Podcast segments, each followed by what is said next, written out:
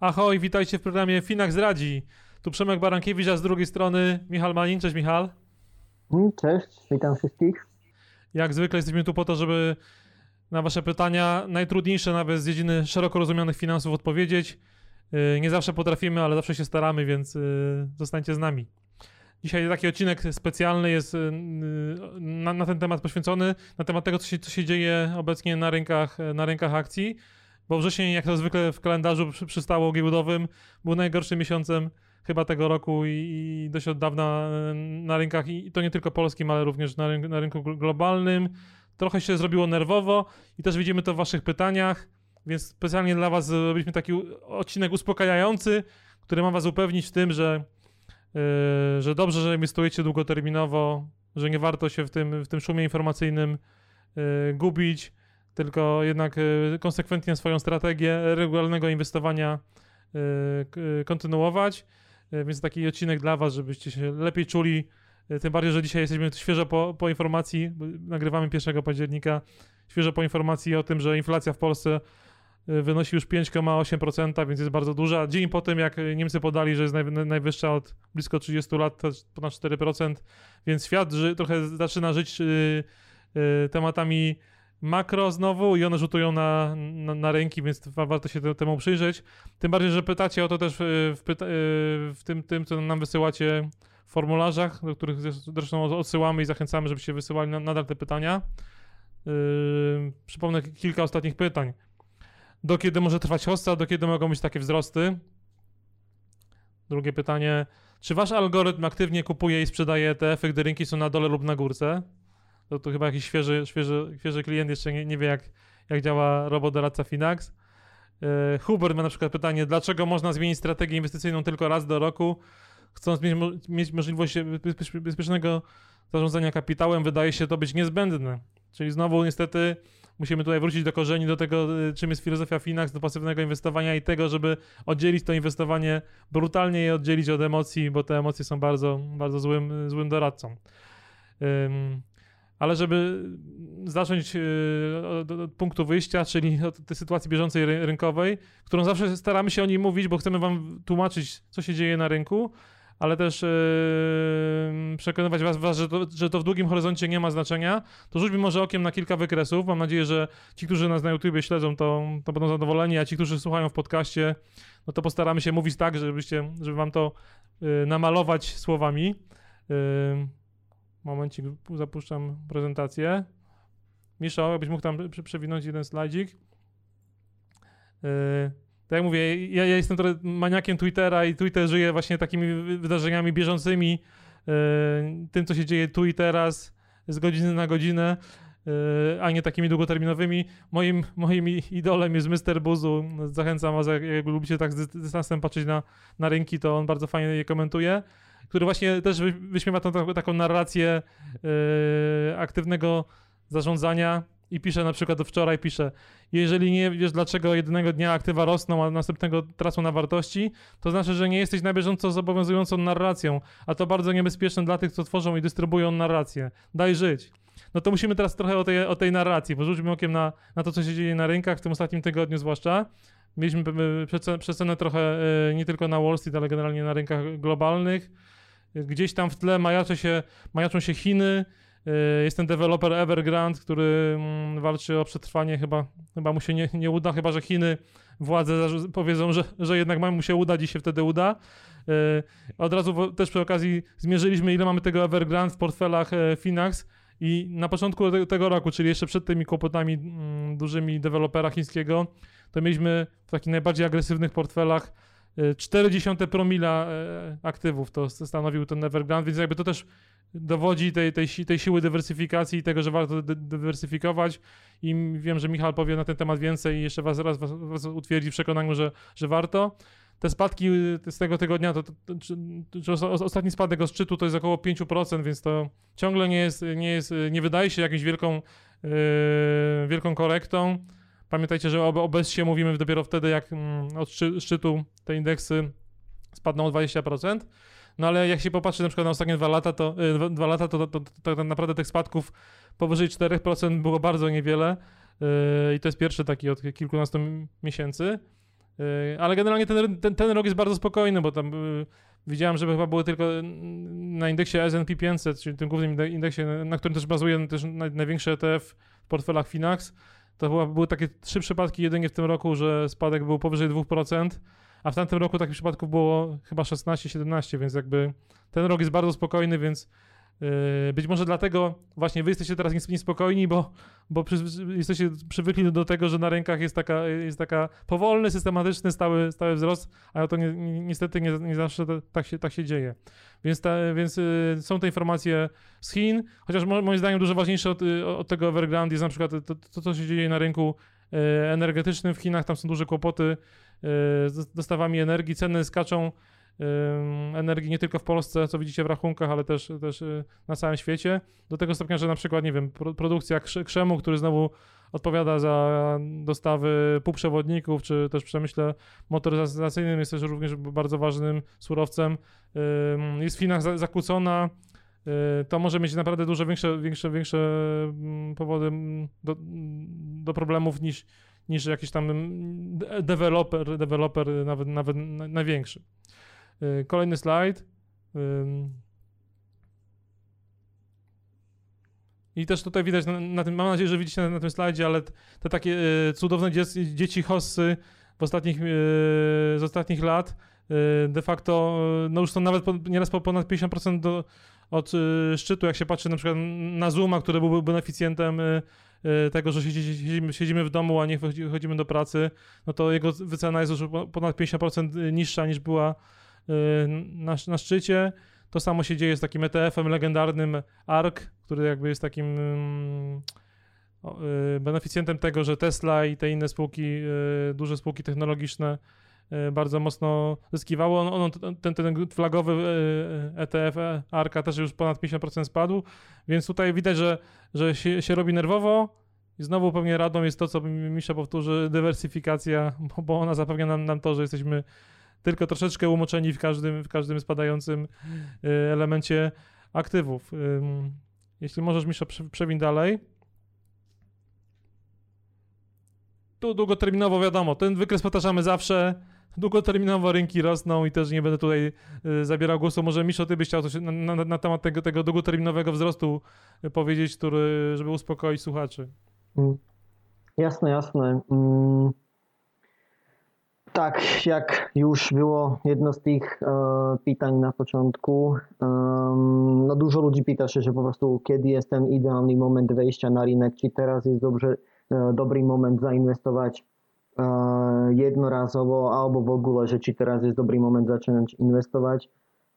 Ono zawsze mówi się, że po prostu ten najlepszy moment, aby zacząć inwestować był wczoraj i ten drugi najlepszy jest dzisiaj, ten następny najlepszy będzie jutro, więc zależy od tego, że jak mm, rozumiemy inwestowanie. Jeśli inwestowaniem rozumiemy naprawdę, że budowanie majątku e, za pośrednictwem kupowania aktyw firm, które produkują rzeczywiste rzeczy i oferują rzeczywiste usługi i prawdopodobnie będą e, produkować te rzeczy i oferować usługi i za 2 lata, za 5 lat, za 10 lat, albo czy mówimy o inwestowaniu w tym sensie, że dzisiaj kupuję po cenie X, bo mi się wydaje może niska albo fair, a liczę na to, że za pół roku, za rok, za dwa lata sprzedam, bo uważam, że będzie drożej, więc sprzedam komuś innemu.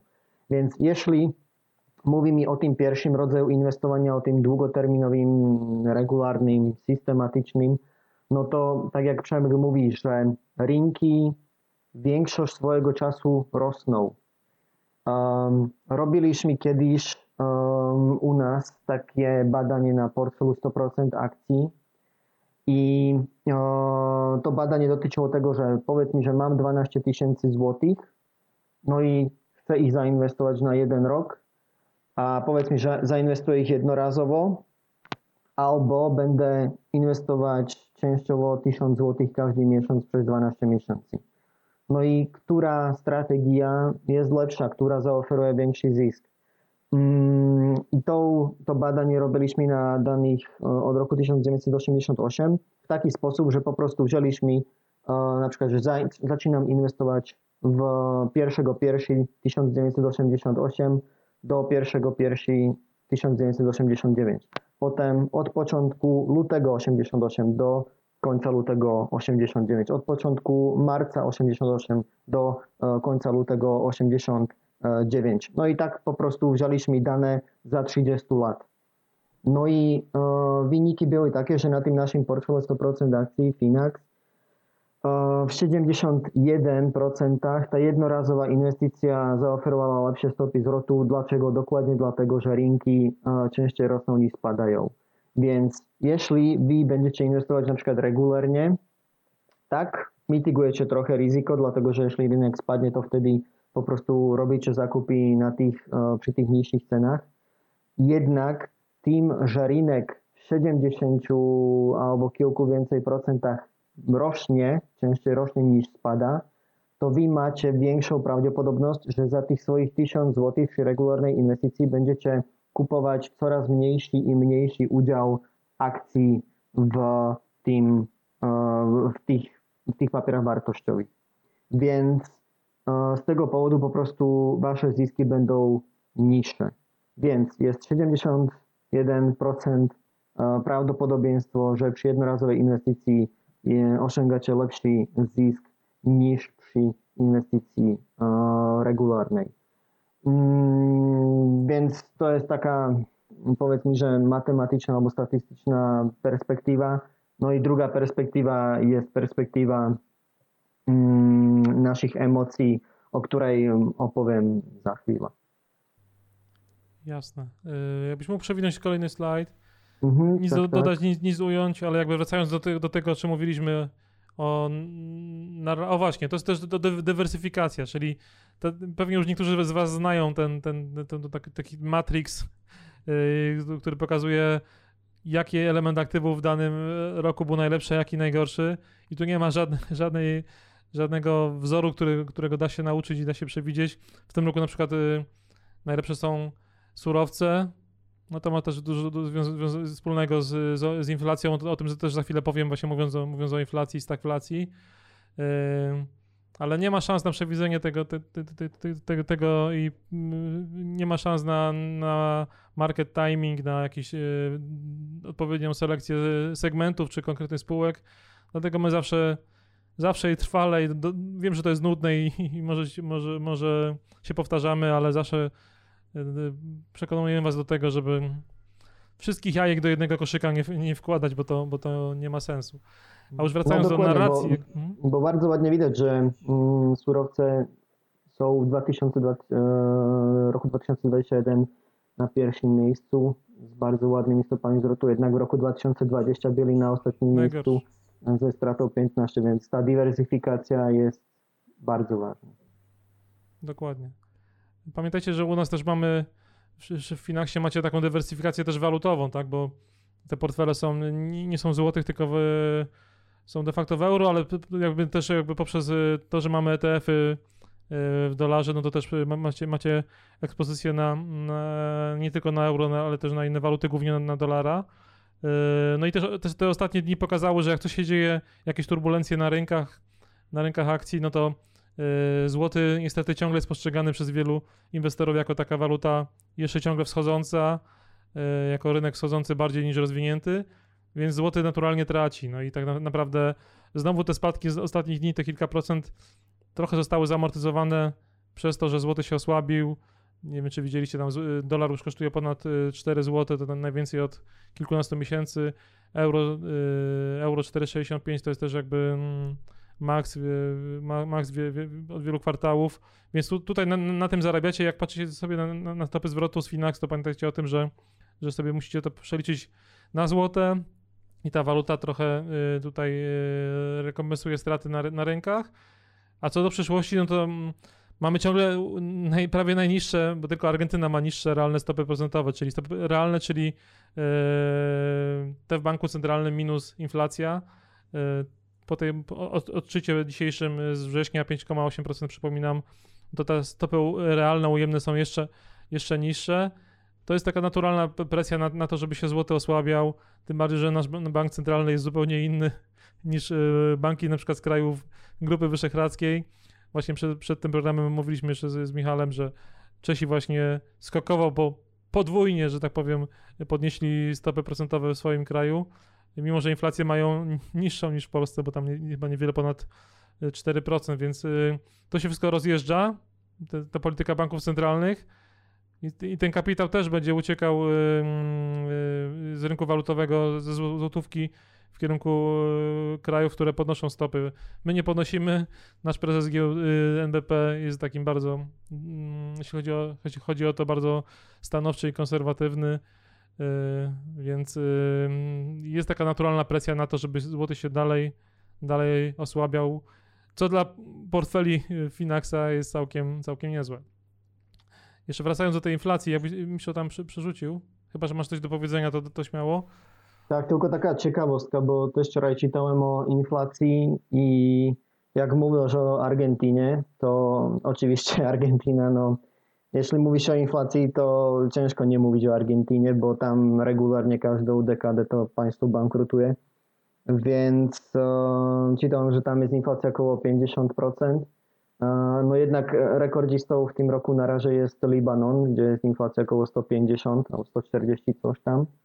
A no niestety no, w Libanonie za dekadę mm, ich, ich waluta straciła jakieś tam 90% wartości, więc to, to już naprawdę, że duże problemy. No. Więc jeszcze, jeszcze nie jest w Polsce tak, tak źle. To niesamowite właśnie, bo ten, ten kraj był kiedyś chyba tak, taką Szwajcarią, Szwajcarią Bliski, Bliskiego Wschodu, tak? Tak jest, no. No tylko pytanie jest, że na czym był zbudowany ten, ten mm, no powiedzmy ca, cały ten, to bogactwo tego państwa. Dokładnie. To było tylko pożyczki albo ale właśnie hi historia Libanu czy historia Argentyny pokazuje, że to, takie bogactwo jest, nie jest dane raz na, na zawsze i jak państwo źle, mhm. źle trochę y, sobą rządzi, to, to może się wszystko odwrócić. Y, tak, Takim tak, modnym tak no, słowem... Ładnie też, to, ładnie też to pokazuje Irlandia, że w 70 latach, gdy w 73 po prostu została mm, członkiem Unii Europejskiej jako najbiedniejsze państwo zachodniej Europy i najbiedniejsze państwo Unii Europejskiej, no i na początku lat 2000 już po prostu było to państwo, które miało większy GDP per capita niż e, UK, więc tak, jeśli ktoś umie zarządzać swoim państwem, no, albo rządy się domówią na tym, że nie każde 4 lata zmienia się po, polityka o 180 stopni, no to tak, można w miarę ładnie z biednego państwa zrobić bogate. No ale oczywiście, że trwa to jakieś tam 25-30 lat. Miejmy nadzieję, że to nie będzie case polski, więc yy, odpukać, niemalowane. Kolejne taka, y, takie słowo klucz, które się gdzieś tam może słyszeliście ostatnio, bo się dzieje coraz modniejsze i nawet widziałem, że w Google Trends rośnie liczba wyszukiwań tego słowa. To jest stagflacja. To jest takie po połączenie w sumie rzadko spotykane, ale fatalne dla, dla gospodarki, dla rynków. Połączenie niskiego wzrostu gospodarczego z inflacją.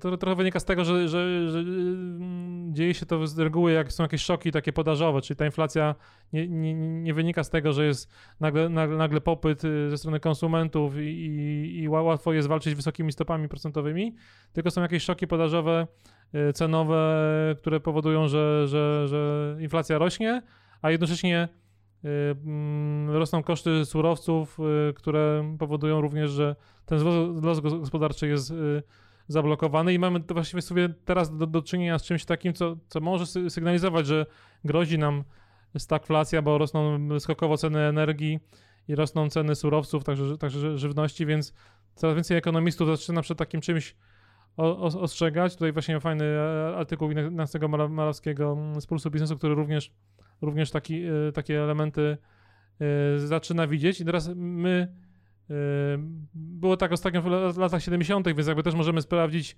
jak to, jak to się przełożyło wówczas na, na rynki. Yy, taką analizę fajną znalazłem, którą wam zaraz pokażemy na kolejnym slajdzie, który pokazuje, co w latach 70. w Stanach dawało zarobić lub, lub dawało w ogóle obronić się przed, przed, przed, yy, przed inflacją. To jest kolejny slajd. O właśnie, tu macie tutaj, tutaj yy, pokazane okresy, gdzie, gdzie ta inflacja była wysoka, czyli taka jak powiedzmy jak jest teraz, czyli ponad 5%, to były właśnie lata 70., początek lat 80. I potem już tej inflacji takiej wysokiej ponad 5% nie było. Pamiętajmy, że nie tylko w Polsce jest ta inflacja ponad 5%, ale również w Stanach jest ponad 5%. E, no i teraz e, rzut oka na, na to, co dawało zarobić w tym okresie, w tych latach 70. To jest na kolejnym slajdzie. To też przy okazji odsyłam, przy okazji odsyłam też do, do takiego fajnego webinaru, który nagraliśmy tam na yy, chyba w styczniu, na początku tego roku, gdzie ta inflacja jeszcze była chyba rzędu 3% i jeszcze mało kto o tej inflacji mówił. Już wtedy nagraliśmy taki, taki webinar pod tytułem jak, jak inwestować w inflacji, więc tam jest bardzo du dużo takich yy, pożytecznych rad i, i konkretnych wskazówek. Yy, szukajcie na, na, naszym kanale na, na YouTubie, yy, kanale Finaxa. Yy, I tu i, zobaczcie, tutaj jest w pierwszej kolumnie jest nominalny, nominalny stopa zwrotu, w drugiej jest e, realna stopa zwrotu, czyli taka po uwzględnieniu inflacji. I tak naprawdę akcje e, chroniły w ujęciu realnym przed, przed, przed, przed inflacją w, tym, w tych latach 70., czyli warto było mieć jednak ciągle portfel akcji, bo on nie, nie, nie tracił na wartości w ujęciu realnym, ale też jakby no, fatalny okres, bo okres stagflacyjny też nie dawało realnie e, zarobić. Co dawało zarobić realnie, to wtedy było złoto, ropa, mm, niektóre surowce, ale też, też, też, też nie wszystkie. No i taki portfel zbalansowany, którym w sumie my też jakby lansujemy w Finaxie 60% akcji, 40% obligacji, minimalnie pod kreską, ale, ale tylko minimalnie w ujęciu realnym. Natomiast w ujęciu nominalnym to jest ciągle 7%, 7% e, wzrostu, więc są sposoby na to, na, na, na, na to by tej, w tej inflacji zarabiać. Moim zdaniem po prostu trzeba być cały czas na rynku, a nie próbować jakby przewidzieć, kiedy się inflacja y, zacznie wyższa, kiedy się skończy, tylko po prostu mieć y, maksymalnie zdywersyfikowany portfel akcji, do, do którego w sumie Was cały czas y, zachęcamy. Misza, kolejny slajd to chyba już jest twoja działka i to twoje przekonywanie do tego, że warto, warto inwestować w długim, w długim terminie, a nie bawić się mm, tak, tak. prognozy. Um, Mm, ja tylko tyle poviem, že mm, v ogóle to je naše pýtania, alebo teda vaše pýtania odnošne tego, že či je teraz dobrý moment, aby zainvestovať, že či napríklad um, ten náš algoritm umie przewidzieć, že teraz je dobrý moment, aby sprzedać, uh, potem za x miesięcy alebo tygodni je dobrý moment, aby kúpiť. Więc oni są związane z dvomi takimi rzeczami. To pierwszą jest timing rynku, czyli po prostu kiedy jest ten idealny moment, gdy wejść na rynek, a idealny moment, gdy wyjść z tego rynku, czyli szukanie takiego, takiego dołku i te, tego szczytu. A drugim jest Mm, no v riziko investovania alebo riziko rinkové, czyli to, že mm, gdy už neviem, wiem, zaoszczędzimy už kvote, no i widzimy za tým celou tou našou práce i potem idziemy s tou sumou do jakiejś inwestycji, no to oczywiście, že mám jaký strach z potenciálnej straty, alebo gdy už inwestujemy jakiś czas i udało nam się osiągnąć zysk, no to wtedy po prostu mm, zaczyna się czasami pokazywać taki strach z, mm, z potencjalnej straty z tego powodu, że przyjdą jakieś spadki. Więc jak można zarządzać takim, takimi emocjami albo takim strachem? Ono po pierwsze ważne jest to powiedzieć, że już na początku tej inwestycji my powinni mi sobie uświadomić, że albo przygotować się do tego, że co będzie mi robić, gdy będą spadki. Gdy będą spadki na przykład o 20%, dlatego że takie spadki o 30 i więcej procent oczywiście, że wydarzają się, ale wydarzają się tak raz na dekadę. Jeśli są spadki 40% i więcej, to takie spadki są bardzo rzadko. No, mi się wydaje, że 5 razy w historii indeksu S&P 500 byli. Więc to, że na przykład rynki rosną, jest zupełnie normalnie, że normalne. To, że rynek jest często na swoim szczycie, albo bardzo blisko tego szczytu, to jest naprawdę, że większość czasu, więc tutaj na przykład, że czy jest rynek na szczycie do minus 10%, to jest 60, 63% swojego czasu, więc prawie 2 trzecie swojego czasu. No i jeśli są jakieś spadki, takie już bardzo mocne, czyli 40% i więcej, no to naprawdę, że minimum czasu, czyli naprawdę, że to się wydarzy średnio raz za 20 lat.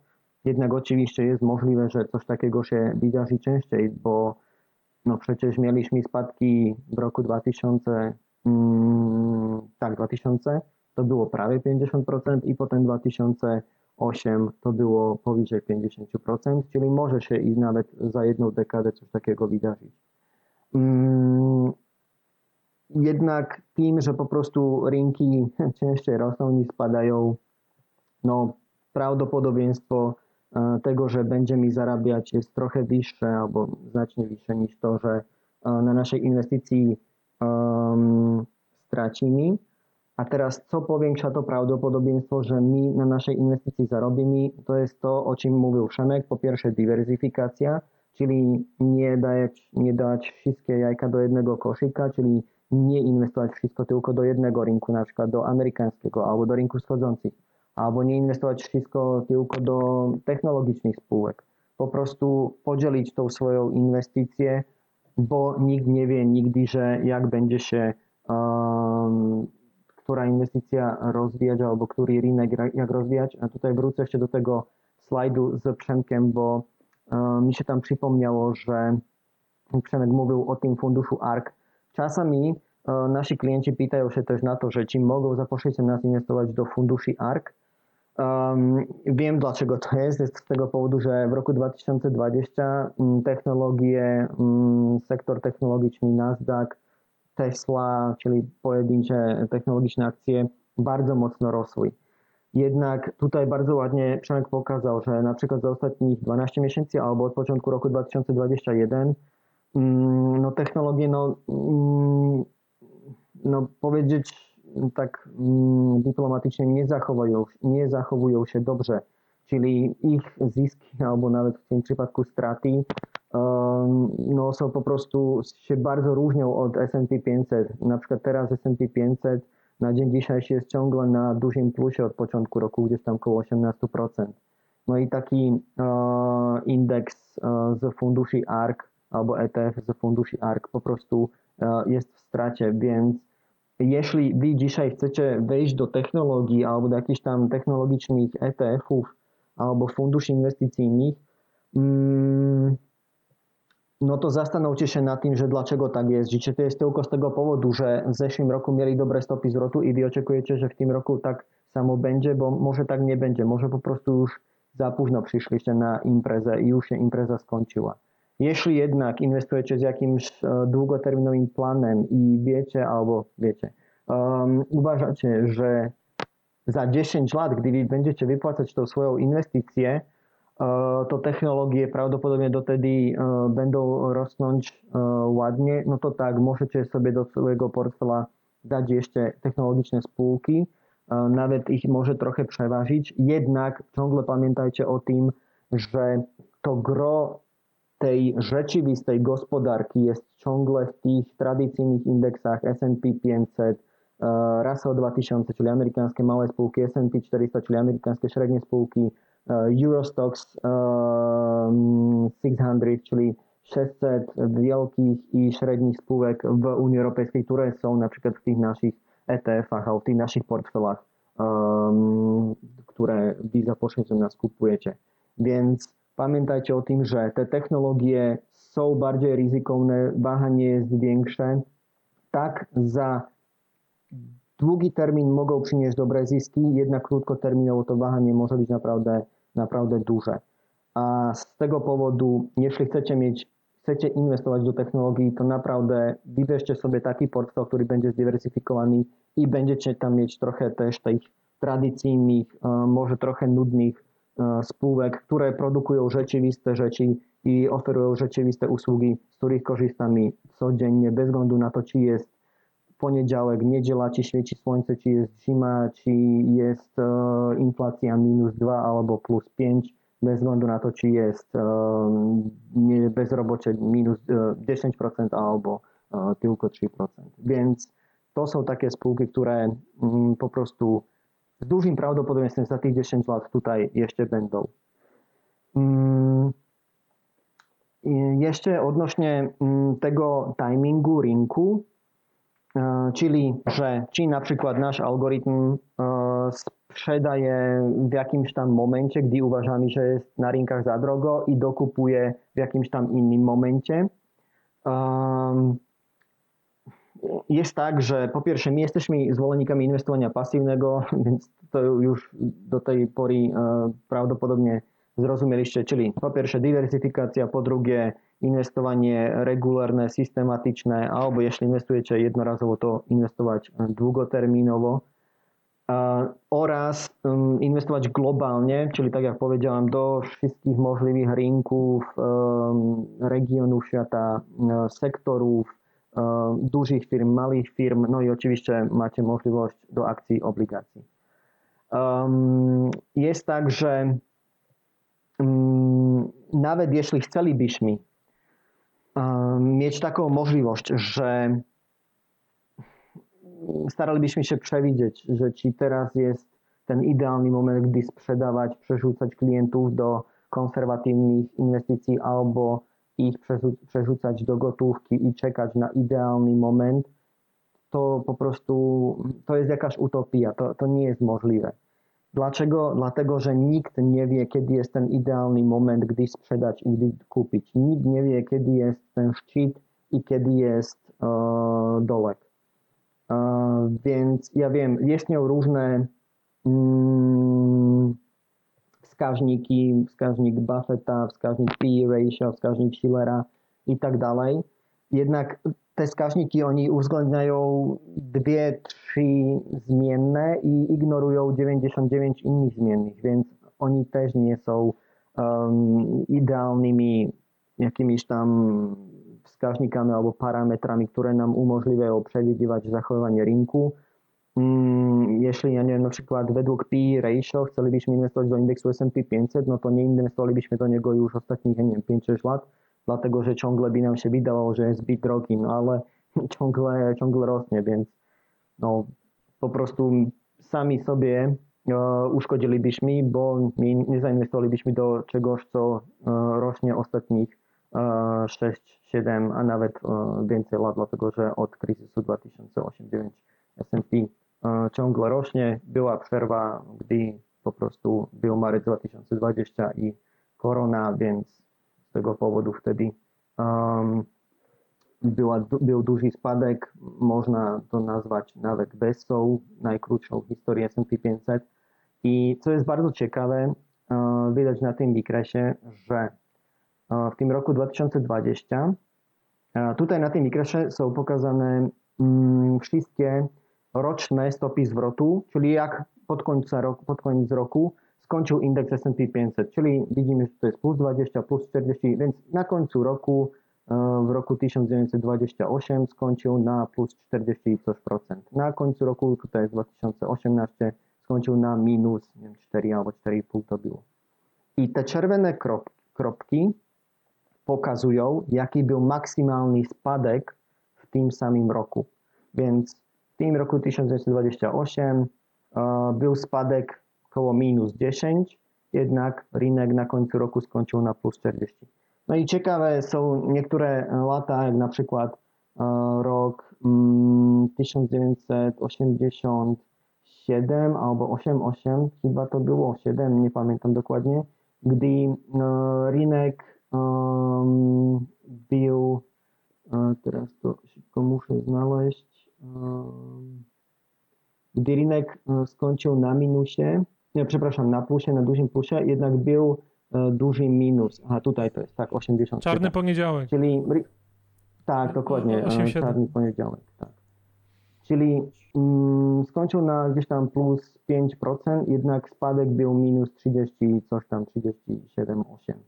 Więc bardzo ładnie, no, tak samo prawie wygląda rok 2020, że mieliśmy spadek minus 34% na indeksie, na indeksie S&P 500, jednak na końcu roku, czyli od 1 stycznia 2020 do końca roku 2020 ten rynek był na plus 18%. Więc jeśli ktoś 1.1.2020 wpłacił środki, ja nie wiem, mieszkał gdzieś tam w Afganistanie albo nie wiem gdzie, gdzie nie mają internetu, a w ogóle nie wiedział o tym, że był jakby jakaś korona albo spadki na rynkach i pod koniec roku 2020 sobie włączył internet, no to widział, że jest po prostu na zysku 18%. Więc i nawet w takich czasach dużej, mm, dużych spadków się panika może pokazać jako bardzo, albo ten, te nasze mm, wrażenia, albo nasze uczucia jako bardzo niedobry doradca inwestycyjny, dlatego że nas może e, po prostu e, może spowodować, że nasze zyski nie będą żadne. Nawet może spowodować to, że będziemy w stracie, dlatego, no, dlatego że zazwyczaj ludzie sprzedają swoje inwestycje, gdy rynki padają. Więc wracając do jeszcze tego jednego pytania, że dlaczego mamy możliwość tylko jednej zmiany um, strategii inwestycyjnej w roku kalendarzowym za darmo. Um, jest to dokładnie z tego powodu.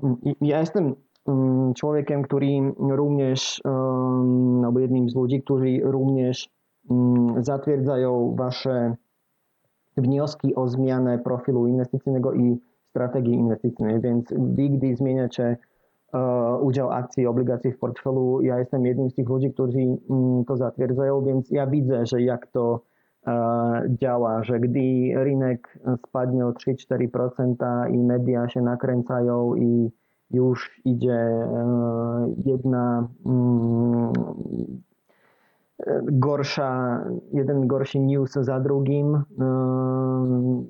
to wy po prostu pod wpływem tego szumu medialnego e, i pod wpływem swoich emocji zaczynacie zmieniać strategię inwestycyjną na konserwatywną. I gdy rynki są na szczytach i osiągają, osiągają ciągle każdy tydzień nowe i nowe szczyty, to wtedy jest tendencja, że macie, e, że chcecie po prostu więcej akcji w portfelu, mieć agresywniejsze portfele.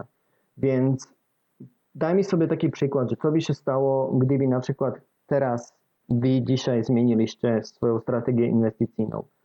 E, dzisiaj jest na przykład indeks S&P 500 gdzieś tam około minus 4,5% od swojego szczytu, więc powiedz mi, że wypłacacie e, teraz inwestycje albo ją zmieniacie na bardzo konserwatywną. No i co się stanie? No nikt nie wie. Może ten rynek jeszcze bardziej runiewi sobie powiecie super, fajnie zrobiłem, no teraz pytanie jest, że kiedy wracacie na ten rynek.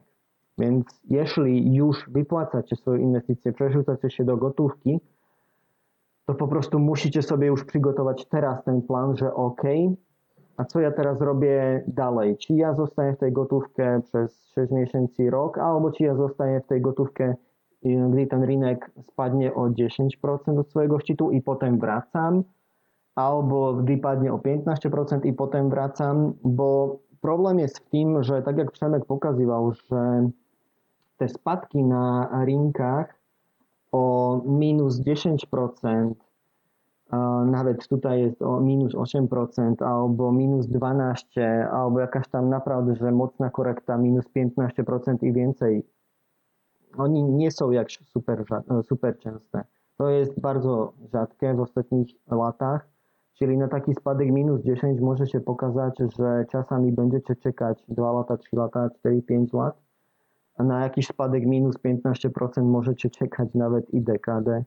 Więc e, no, jest to po prostu ryzyko takie, że wy zostaniecie poza rynkiem i to wasze czekanie na spadek będzie czekaniem na Godota, jak z gry Jean-Paul Sartre, że po prostu nigdy nie przyjdzie, albo przyjdzie dopiero za x lat i wy po prostu będziecie ciągle trzymać gotówkę, którą zjada inflacja.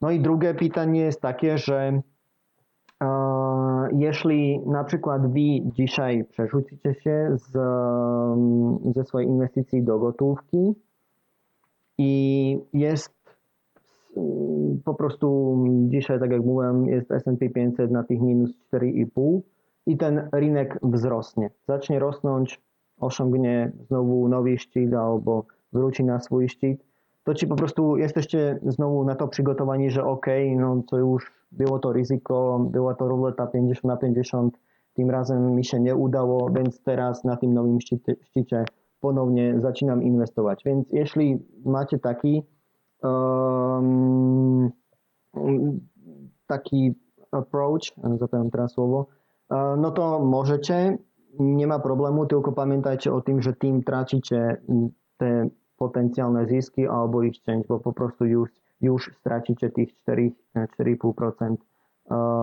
ktoré by ako keby spredali ešte s povrotem do rinku. No i ostatnie pytanie jest takie, że mm, a to jest myślę, że takie najlepsze pytanie, że spróbować przypomnieć sobie, jak czuliście się w marcu 2020 albo w kwietniu 2020, gdy rynek był naprawdę na tych swoich dółkach, czyli minus 30, minus 35%. Że czy chcieliście wtedy inwestować? Jeśli nie chcieliście wtedy inwestować, gdy rynek był na minus 35% do swojego szczytu, a minus 34%, to potem pytanie jest, kiedy chcecie inwestować. Po prostu na jakie spadki czekacie, bo tak jak mówiłem, takie spadki minus 30% to wydarzy się raz za dekadę, może nawet rzadziej.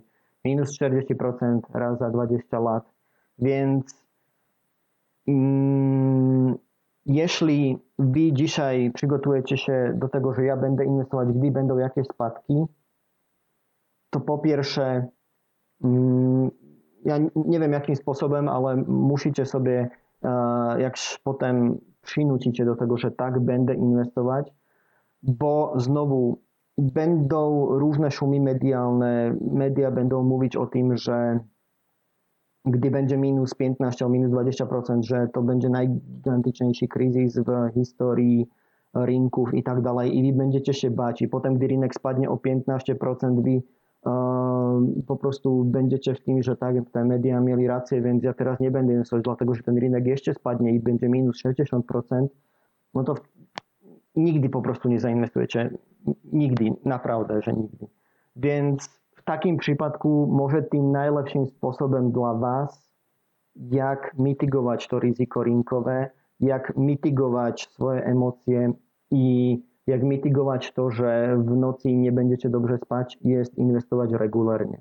Czyli inwest, powiedzieć sobie w porządku każdy miesiąc albo każdy drugi tydzień, to już jest na Was, wpłacam, ja nie wiem, 100, 200, 500 zł, według tego jak możecie i jest mi obojętne, czy rynek idzie do góry albo na dół. Jeśli idzie do góry, super, zarabiam. Jeśli idzie na dół, spoko, bo ja e, za moje pieniądze, za tą samą kwotę um, kupuje coraz więcej jednostek akcji, więc do przyszłości jest duże prawdopodobieństwo, że te zyski będą ładniejsze.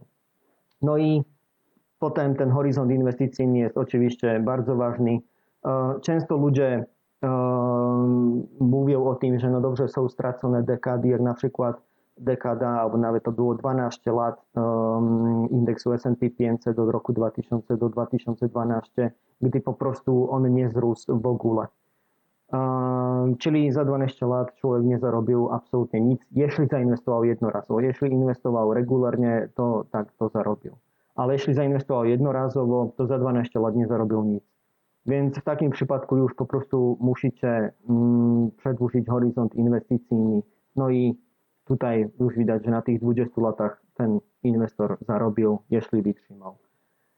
No i druga rzecz jest ta, o której mówiłem, inwestowanie regularne, więc jeśli zainwestujecie raz tutaj i rynek spadnie o 50%, to nikt nie mówi, że wy już nigdy nie możecie znowu zainwestować więcej, więc możecie przy tych spadkach uśredniać ceny zakupu i po prostu w ten sposób do przyszłości e, wasza inwestycja ma potem większy potencjał, aby rosła.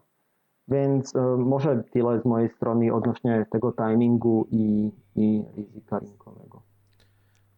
Dzięki Miszo. To jakbym tak podsumował to w jednym zdaniu, co powiedziałeś, e, bardzo celnie. Czyli pamiętajcie, nie spekulujemy, tylko inwestujemy, a jak inwestujemy, to inwestujemy długoterminowo, regularnie, tanio, a tanio to pasywnie, globalnie, yy, No i systematycznie, tak, żeby stwórzcie sobie z tego na, nawyk bardziej, wtedy będziecie mogli w długim terminie powiedzieć, że zbudowaliście bogactwo i zrobiliście wszystko, żeby ta wasza przyszłość była bardziej różowa niż teraźniejszość.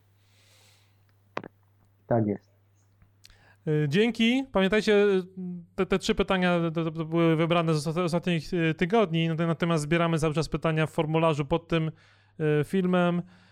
Możecie też wysyłać pytania, wysyłając je na naszych kanałach społecznościowych, na Facebooku, na Twitterze, na Instagramie, no i na naszym mailu czy na infolinii. Wszędzie na Wasze pytania czekamy i postaramy się w tym programie na nie odpowiedzieć. E, dajcie lajka, jak Wam się podobało. Subskrybujcie nas e, na YouTubie albo w różnych aplikacjach podcastowych, bo też również audio tutaj nagrywamy.